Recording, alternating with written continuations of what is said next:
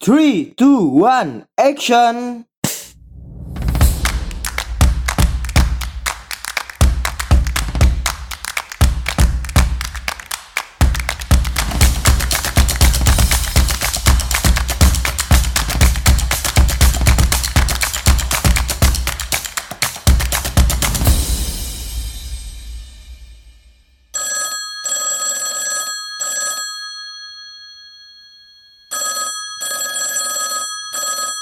Bertemu kembali dengan saya Miftol Arzak eh, dan masih seperti pertemuan-pertemuan sebelumnya, saya pada eh, video YouTube ini akan menjelaskan beberapa contoh terkait teori komunikasi yang saya ambil dari eh, buku Ensiklopedia Teori Komunikasi. Jadi ini editornya Stephen W. Littlejohn dan Karen Voss. Dan YouTube ini ya nanti soundnya juga saya akan upload di podcast saya. Jadi para pendengar bisa mendengarkan di Apple Podcast, di Spotify, kemudian di Anchor dan di beberapa platform-platform lainnya yang eh, menyiarkan ya audio atau podcast seperti itu. Nah, pada pertemuan kali ini kita akan menjelaskan ini sedikit saja. Jadi saya setelah saya membacanya itu ini tidak sampai 5 menit kayaknya menjelaskannya ya. Tetapi ini cukup menarik untuk eh, saya jelaskan karena ini berhubungan dengan eh, komunikasi intrapersonal. Jadi yang jarang sekali bahkan kalau saya sudah hampir berapa ya? Hampir sudah sampai 20-an mungkin membimbing mahasiswa skripsi dan melihat beberapa penelitian-penelitian eh, angkatan saya, kemudian eh, kakak angkatan saya atau eh, yang literatur-literatur yang pernah saya baca terkait komunikasi hampir sedikit ya yang meneliti tentang komunikasi intrapersonal atau eh, bagaimana orang mempersepsikan dirinya atau menilai dirinya seperti itu. Nah, pernah waktu itu saya membimbing salah satu mahasiswa, dia melakukan sebuah eh, penelitian yang cukup menarik. Saya meminta eh, dia ya, jadi waktu itu kita berdiskusi lah lebih tepatnya. Dia menceritakan kira-kira judul apa yang paling cocok dengan eh, skripsinya. Dia wanita bercadar, waktu itu mahasiswi ya. Nah, kemudian dia bingung ingin melakukan penelitian apa. Kemudian saya minta untuk dia melakukan sebuah penelitian eh, tentang perempuan bercadar ya. Tetapi bukan dia. Sekali lagi kalau yang diteliti adalah dia eh, akan susah untuk eh, memilah dan memilih eh, objektivitas nantinya. Tetapi saya meminta untuk dia melakukan sebuah penelitian yang diteliti itu adalah rekan-rekannya yang sama-sama menggunakan eh, cadar ya.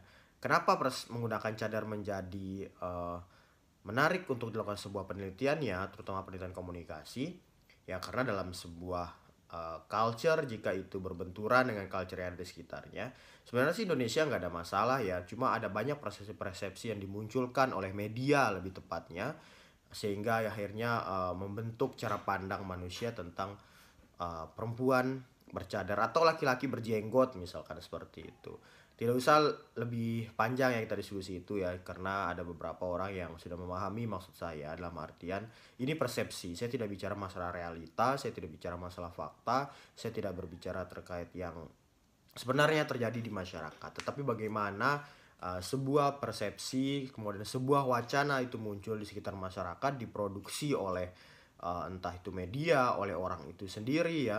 Ada proses uh, encoding decoding di situ sehingga uh, pada saat orang itu melakukan segala sesuatu yang dalam sebuah culture atau di sekitar masyarakatnya itu ada uh, subordinat atau uh, biasa disebut dengan misalkan tertolak atau dia itu tidak uh, sejalan lah, tidak mayoritas ya untuk di apa di dibicarakan di tengah masyarakat.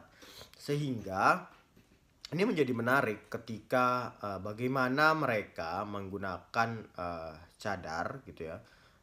Padahal di tengah masyarakat bahkan waktu itu ada keluarganya sendiri tuh yang menilai uh, persepsi yang apa ya, yang berbeda dari persepsi orang-orang lain ya. Jadi ada orang yang beranggapan bahwa ini bagus kemudian ini di apa ya disamakan dengan sebuah komunitas yang entah itu dilarang oleh uh, pemerintah misalkan ya karena ada beberapa komunitas kayak apa namanya itu uh, kelompok-kelompok yang dilarang oleh uh, pemerintah seperti itu. Sehingga ketika mereka menggunakan uh, sebuah atribut kayak begitu ya yang bertentangan atau menjadi uh, subordinat di tengah masyarakat gitu ya. Saya nggak usah bicara bertentangan ya tapi subordinat di tengah masyarakat itu menjadi uh, menarik untuk dikaji dalam sebuah kajian komunikasi. Bagaimana sampai mereka akhirnya menggunakan cadar ada per apa ya pertautan dan perkelahian batin kayak begitu. Kemudian ada diskusi panjang ada bahkan ada juga yang tidak ada perdebatan biasa-biasa saja kayak gitu.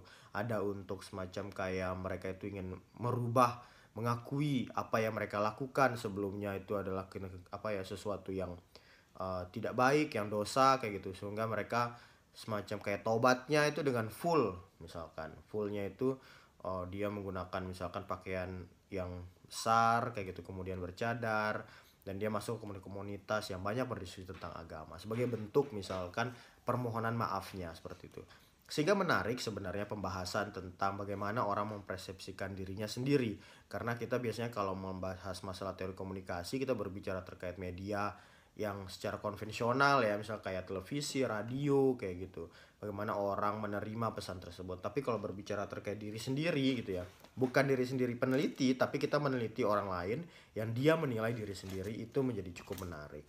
Nah, pada pertemuan kali ini saya akan menjelaskan tentang teori persepsi diri ya. Yang pertama ya, teori persepsi diri ini dikemukakan oleh Daryl Bem seperti teori atribusi, mengandalkan pada atribusi internal dan eksternal untuk menjelaskan perilaku. Tetapi alih-alih mengamati orang lain, ya, kita menggunakan proses yang sama untuk menginterpretasikan perilaku kita sendiri. BEM berpendapat bahwa kita mengenali pikiran dan keyakinan kita sendiri dengan mengamati tindakan kita dan menginterpretasikan apa yang menyebabkan perilaku kita jadi ini semacam kayak tadi kalau misal konteksnya membahas masa apa ya masalah terkait skripsi mahasiswi saya terkait uh, cadar seperti itu mereka mengamati dirinya sendiri. Kenapa saya uh, perlu dan harus melakukan ini seperti itu. Tentunya jika berbicara seperti ini kita berbicara masalah konteks-konteks masa lalu juga konteks-konteks pengalamannya mereka atau paradigmanya mereka akhirnya membentuk cara pola-pola berpikir dan menilai diri sendiri seperti itu Selanjutnya, penjelasan kita atas perilaku kita sendiri ditentukan oleh kehadiran atau ketidakhadiran petunjuk situasi.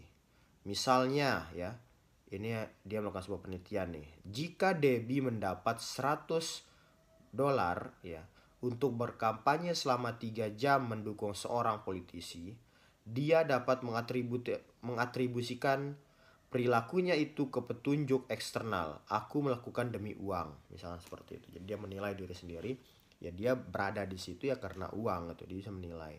Tetapi jika hanya mendapat 5 dolar selama 3 jam kampanye, dia cenderung mengatribusikan ke penyebab internal. Aku melakukan karena aku suka calon itu. Contohnya seperti itu. Atau mungkin tidak dibayar sama sekali ya. Jadi dia uh, menilai dirinya sendiri oh saya berada di sini itu ya karena saya suka dengan calonnya visi misinya sesuai dengan apa yang saya inginkan seperti itu. Teori persepsi diri adalah penting bagi riset persuasi karena orang yang termotivasi secara internal lebih cenderung mampu mempertahankan perilakunya. Nah jadi uh, teori yang dijelaskan oleh Daryl Bem ini ini di belakangnya ya di akhir pembahasan ini yang yang jelas disebutkan. Bahwa dengan teori persepsi diri ini penting bagi peneliti ya jadi mereka itu mempelajari tentang persuasi. Jika kita alih-alih berbicara persuasi tentang orang lain tapi sebenarnya persuasi ini kita berbicara untuk diri sendiri seperti itu. Karena orang yang termotivasi secara internal lebih cenderung mampu mempertahankan perilakunya. Jadi kalau apa ya BEM ini lebih banyak berbicara orang itu melakukan segala sesuatu ya karena ada motivasi dari dalam dirinya itu sendiri. Oke para pendengar, seperti saya jelaskan tadi ini penjelasan teori ini berbeda, berbeda kayak teori-teori yang lain ya. Jadi uh, cukup pendek, tapi keywordnya tadi jelas ya bahwa BEM ini berbicara bagaimana orang uh, termotivasi ya melakukan segala sesuatu itu itu lebih uh, besar untuk mempertahankan perilakunya karena ada motivasi internal atau persuasi yang biasanya kita jelaskan persuasi itu untuk orang lain tapi sekarang persuasi untuk diri sendiri. Oke para pendengar uh, pada pertemuan selanjutnya kita akan menjelaskan teori-teori lainnya entah itu membahas masalah komunikator, komunikan, kemudian media, kemudian pesan atau mungkin komunikasi di intrapersonal. Tentunya uh, tetap di channel ini dan seperti biasa audionya juga nanti akan saya share di podcast saya. Sampai ketemu lagi. Yuk.